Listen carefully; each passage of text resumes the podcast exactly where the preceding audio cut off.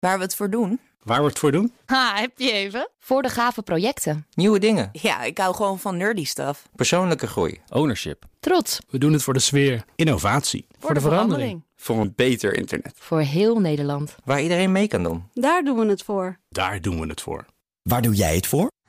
Kom werken voor KPN en groei op jouw manier. Check de actuele vacatures op het gebied van data, security, development en networking op jobs.kpn.com/tech. BNR Digitaal wordt mede mogelijk gemaakt door SecureLink. SecureLink. Safely enabling business. BNR Nieuwsradio. BNR Digitaal. Herbert Blankenstein. Door informatie van sensoren te combineren met open data kan je soms tot nieuwe inzichten komen. Dat bewijst onder andere André van der Wiel. Hij is oprichter van Scapler, een platform voor bewustwording over de leefomgeving. En eh, dat oproept tot citizen science. Welkom André. Dankjewel. Uh, afgelopen weekend heb jij een verhaal gepubliceerd over een plotselinge fijnstofwolk in West-Nederland. Ja. Hoe zag jij die wolk? Nou, dat is uh, omdat ik uh, monitor wat er, wat er gebeurt uh, door het land heen. Er zijn de ja? verschillende sensoren die meten. En dat bewaak ik. Dat zie ik in beeld verschijnen in statistiek en grafieken. En, en dat valt dan op een gegeven moment op dat er iets is bijzonders gebeurt. Ja, en vertel eens, je zegt sensoren, maar waar staan die dan bijvoorbeeld? Wat zijn dat voor sensoren? Dat zijn sensoren, sensoren die bij de burger zelf staan in dit geval. En dat heb je het over die eenvoudige sensoren die een paar tientjes kosten en die dan zelf in elkaar gezet kunnen worden. Ja. Maar ik maak zelf ook sensoren en uh, daar experimenteer ik mee. Dan is op een iets andere manier, maar het komt op hetzelfde neer. Ja, je kunt ze zelfs zelf maken, ja. dus uh, begrijp ik.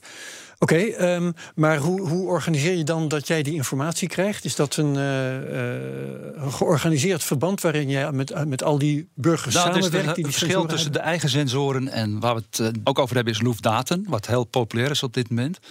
En Loefdaten die, is een initiatief, een project uit Stuttgart oorspronkelijk begonnen. Maar dat, uh, ja, dat groeit uh, explosief eigenlijk op dit moment. En die uh, gegevens die worden als open data beschikbaar gesteld. En dat is interessant. Dan is dat overheidsinformatie? Open data wordt gezien als, als overheidsinformatie. Maar dit is gewoon de burgerinitiatief en dus burgerdata die opengesteld is voor gebruik. Dus okay. burgers kunnen daar hun data delen met elkaar ja, eigenlijk? In dit geval is het de, dus de Luftdatensensor, die, uh, die, die, die, uh, die, stel je samen. Die bouw, de, je bouwt een, de sensor en je configureert hem voor de servers die Luftdaten beschikbaar stelt. Dus je zegt van, het is die server en dan kom je eigenlijk automatisch via de wifi op hun server terecht. Dus je kunt als, als burger kun je jouw sensor aanmelden bij, bij Luftdaten? Ja, en dat duurt, ja. duurt een één of twee dagen voordat ze dat geregistreerd hebben. En jouw locatie, et cetera. En dan komt het uiteindelijk uh, ja, via de. Als je naar de loefdatum.info gaat, zie je de kaart met, uh, met de locaties van de, van de, van de sensoren. Hoeveel zijn er in Nederland nu? Uh... Ik heb geen aantal van, van Nederland, maar het, maar het is behoorlijk aan het toenemen. En Honderden, duizenden. Nou, in totaal zijn het wel zo'n drie, misschien wel 4000 inmiddels. Okay, uh, maar een redelijk fijnmazig netwerk. Dan heb je het over wereldwijd, maar de, vooral uh, geconstateerd in Duitsland. Uh, Engeland begint nu op te komen. Ook Nederland is heel interessant. Okay. Dus ja. ja. en het netwerk, het web gaat steeds meer ja, dicht zich dichten, zodat je ook ja. een beter beeld kan krijgen van uh, wat er ook werkelijk gebeurt. Als je één sensor hebt in een vrij groot gebied, dan is het afhankelijk van hoe zo'n sensor reageert. Dus het zijn low-cost sensoren die uh, niet de nauwkeurigheid hebben natuurlijk van een landelijk meetsysteem. Hm. Maar door de grote aantallen geeft dat de meerwaarde die het uh, opneemt. Ja. Ja, ja. Even naar Maarten Nijkers, want uh, we doen dit onderwerp niet zo, maar jij hebt ons gesuggereerd dat we het hier eens over moesten hebben. Ja. Want jij bent hier mee bezig op een of andere manier. Ja, dat klopt. Uh, ik ben sinds kort luchtwachter bij Milieudefensie. Is eigenlijk een soort... Luchtwachter? Ja, dat klinkt luchtwachter leuk. klinkt echt heel sensationeel, maar dat, is het, dat valt reuze mee. Alsof je ook een pet met een veer op hebt. nee, maar Milieudefensie is natuurlijk al een tijd bezig met luchtkwaliteit in Nederland. En die vroeg op een gegeven moment om burgers die, die ook hun willen helpen om dat meer uh, lokaal politiek aan de kaak te stellen. Nou, dat, dat vind ik wel leuk. Ik, ik hou daar wel van om uh, met de gemeenteraadsleden daarover te, te, te sparren, om het zo te zeggen. En ik hou dus dit soort initiatieven veel meer in de gaten. Want er komt heel veel data uit. Ik moet wel zeggen, ik, ben, uh, ik woon bij de stadhuiskade in Amsterdam, een van de meest vervuilde wegen van, van Nederland. Die heeft heel veel sensoren, van de GGD zelfs. Dus de GGD zegt zelf ook al van, nou, dit, is, dit kan eigenlijk niet. Maar uh, ik zie dit soort dingen dit kan op Twitter niet voorbij komen. De, de luchtkwaliteit in sommige plekken in de stad. De luchtkwaliteit op een aantal plekken in Nederland, maar zeker in Amsterdam, uh, is, uh, voldoet niet aan de Europese normen. Nou, dat, zeggen ze, dat zien zij ook. Alleen het is nu aan. nou, dan gaan we niet te veel op detail, maar de Nederlandse overheid die acteert er eigenlijk niet op. Maar ik kijk ook naar andere databronnen. En toen kwam ik dit op Twitter tegen. Ik vond ook, je had er ook een heel ja. mooi artikel aan gekoppeld... waar je echt de diepte in ging, waardoor ik ook weer wat van kon leren. En ik ja. heb dat artikel eigenlijk weer gebruikt om via Twitter te verspreiden... onder mijn medeluchtwachters, maar ook naar, naar een aantal gemeenteraadsleden te sturen. Van, goh, jongens, 20 april zie ik, zie ik deze gigantische piek. Hier moet echt wat mee gaan gebeuren. En dan zie je ook heel veel reacties op komen. Ja, uh, even terug naar uh, André. Jij uh, publiceerde van de week een verhaal over een plotselinge fijnstofwolk in West-Nederland die je ja, waarnam. Leg dat eens uit.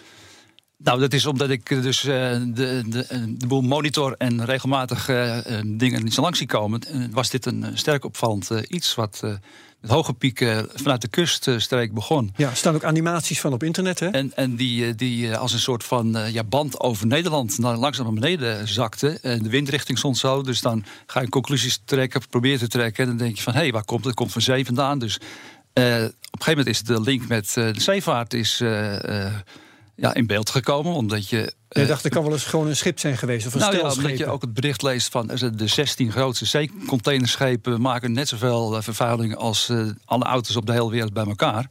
Dan ga je denken van stel, er komt één schip langs van die omvang, wat gebeurt er dan? Ja. En heb je daar uitsluitsel over gekregen? Nee, uh, dat is eigenlijk gewoon het, uh, het verhaal wat ik erbij gemaakt heb. En vervolgens komt er een reactie op van een expert uit, luchtexpert uit België, die zegt van ja, eigenlijk, het klopt het verhaal niet. Uh, de werkelijke juist omdat er geen black carbon in de lucht gemeten is. Als dat het geval was, dan zou het van een, een zeeschip gekomen kunnen zijn. Uh, roet, even in uh, roet, ja. Nederlands uh, normale termen. En dan hij heeft er verklaring voor dat je, ja, het is dan een, een gas die zich door omstandigheden, luchttemperatuur en luchtvochtigheid een chemische reactie krijgt. En dat uh, veroorzaakt dan ook weer de, omgezet ja. wordt in een vaste stof. En dat is dan het fijnstof wat je in de maar lucht de uiteindelijke oorzaak is dus niet gevonden? Van de oorzaak is nog niet, nee, nee, nee. niet een echte kaart uh, bewezen. Maar in ieder geval kun je wel alarm slaan op, de, op zo'n manier. Hè? Als burgerwetenschapper ja, daar gaat het om dat je dingen signaleert. En ja. ik, wat ik eigenlijk doe is gewoon het, het onzichtbare zichtbaar maken. Dat is mijn streven. Dat is ook meteen het grote probleem met, met die luchtverontreinigingen in de steden ook. Mensen zien het niet, mensen voelen het niet. Alleen astmapatiënten hebben er eigenlijk echt last van.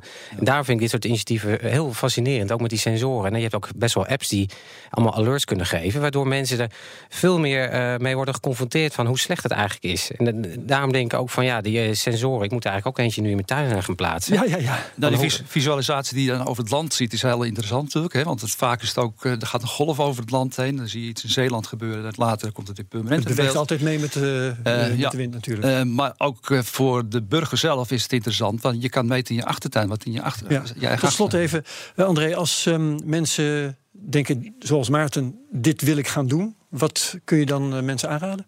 Uh, nou, meedoen met luchtdata is uh, natuurlijk heel interessant. Het uh, heeft wel een technische drempel, want je moet toch wel zo'n sensor in elkaar zetten. Hoeveel kost ja. zo'n sensor? dan ben je een paar tientjes kwijt. Ik heb last iets van 25 euro, maar reken iets van 25 tot 50 euro. Dan heb je zeg, de onderdelen om aan de slag te kunnen.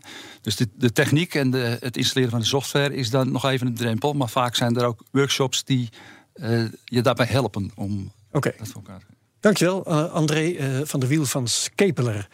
BNR Digitaal wordt mede mogelijk gemaakt door SecureLink. SecureLink, safely enabling business.